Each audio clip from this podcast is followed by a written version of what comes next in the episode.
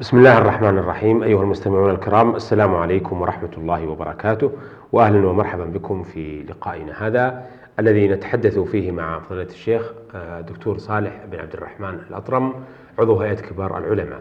مرحبا بالشيخ صالح. حياكم الله وبارك الله بالجميع آه، شيخ صالح عرفنا فيما مضى بعض أنواع العبادة كالخوف والدعاء والاستعاذة. فهل هناك ما تذكرنا به من أنواع العبادة في هذا اللقاء؟ بسم الله الرحمن الرحيم. الحمد لله رب العالمين والصلاة والسلام على نبينا محمد وعلى آله وصحبه أجمعين. أنواع العبادة كثيرة. منها ما سمعنا ومنها ما سنسمعه إن شاء الله تعالى. ومما سنسمعه الاستعانة والاستغاثة والتوكل والذبح والنذور. نعم هذه من أنواع آه، من أنواع العبادة التي لم يتقدم لها ذكر في هذا البرنامج. نعم. نعم. أه نود أن نعرف ما معنى الاستعانة وما هي؟ الاستعانة وردت في عدة نصوص من القرآن والسنة.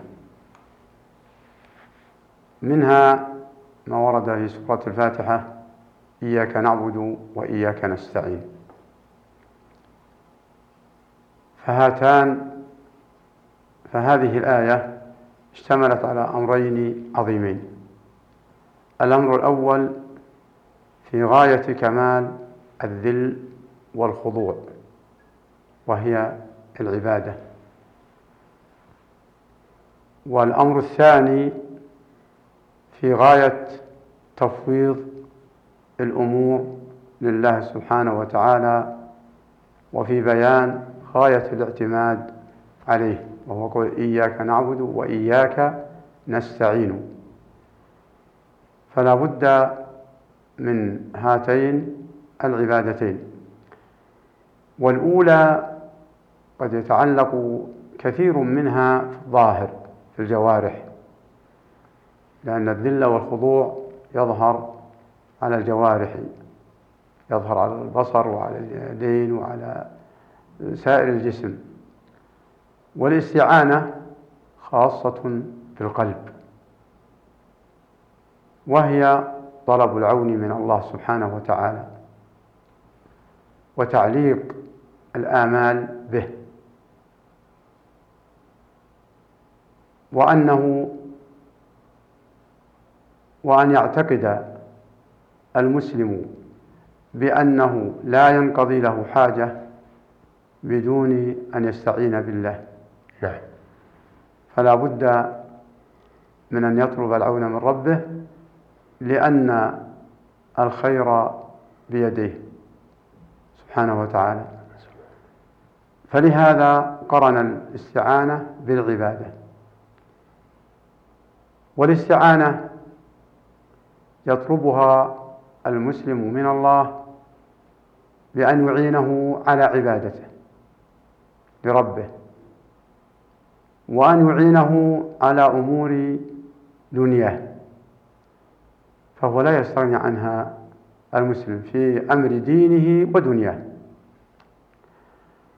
وجاءت من وصايا الرسول عليه الصلاة والسلام لابن عباس في قوله احفظ الله يحفظك. احفظ الله تجده تجاهك وإذا استعنت فاستعن بالله. إذ لا يملك العون المطلق إلا الله سبحانه وتعالى. فلا يستعين فلا يملكه أحد غيره من الخلق. وجاء في الحديث الآخر احرص على ما ينفعك واستعن بالله. فما جاء في سورة الفاتحة صاحب الاعتراف بالعبادة وأنها لا بد من الاستعانة بالله على أدائها. وفي حديث أبي هريرة عن أمور عم أمور الدنيا والآخرة. احرص على ما ينفعك واستعن بالله. فالذي بيده كل شيء وبيده تدبير الأمور وبيده القدرة سبحانه وتعالى على أن يسخر لك وعلى أن يصرف لك. فأمر الاستعانة أمر عظيم. يتحتم على المسلم أن يستحضرها في قلبه دائما وأن يجعلها بين عينيه. ولا يتكل على حوله وقوته. فإن في قوله إياك وإياك نستعين إظهار عجزه إظهار عجز الإنسان وأنه لا حول له ولا قوة إلا بالله فهو المستعان سبحانه وتعالى. سبحانه. فلهذا قرنها الله سبحانه وتعالى بالعبادة التي هي كما سمعنا تظهر قد تظهر على الجوارح. فإذا أراد عبادة بدون استعانة بالله فإنه يكون الأمر عليه عكسي ولا يجد أثر العبادة ولا يستطيع أن يأتي بها كاملة حتى تصاحبها الاستعانة بالله سبحانه وتعالى. نعم. نعم. هذا بالنسبة للاستعانة. أيضا نعم. نود أن نعرف الاستغاثة ما هي وما معناها؟ الاستغاثة طلب الغوث من غيرك. فقد تعجز عن أمر وتستغيث بأحد. على أن يأتي لك بهذا الأمر أو يعينك عليه. أما طلب الإعانة تقدم الاستعانة. نعم. وأما طلب تيسيره وتهيئته لك فهذا أو إحضاره فهذا معنى الاستغاثة. لكن غالبا الاستغاثة تكون في جانب ما يحذر منه ليخلصك المستغيث ليخلصك المستغاث به. نعم. ليخلصك المستغاث به من ورطتك أو مما تحذر من من شره. وهي قريبة من الاستعاذة. فإن الاستعاذة هي اللجوء إلى من يحميك عما تحاذره. عما تحاذره. والاستغاثة تشترك بهذا المعنى وقد يكون فيها طلب حصول ما تريده. وأما المراد بها هنا أي كونها عبادة فإن الأمر إذا كان لا يقدر عليه إلا الله سبحانه وتعالى فإنه لا بد أن تكون الاستغاثة بالله. نعم. إذ تستغيثون ربكم فاستجاب لكم. وجاء الحديث إنه لا يستغاث بي وإنما يستغاث بالله. فطلب الغوث الحقيقي هو من الله سبحانه وتعالى. وتنقسم إلى قسمين. إن طلبته من مخلوق قادر فهذا جائز. لكن بشرط أن لا تجعل جميع اتجاهك واستعانتك به وتجعل كل شيء منه. وإنما تستغيث به كسبب لقدرته على ما تطلب منه فهذا جائز. نعم. كأن تقول خلصني من هذا السبع الذي قد تسلط علي أو من هذا العدو يا فلان.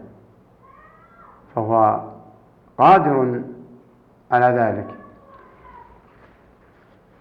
وأما إذا كان الأمر لا يقدر عليه إلا الله فهذا لا بد أن تكون الاستغاثة بالله.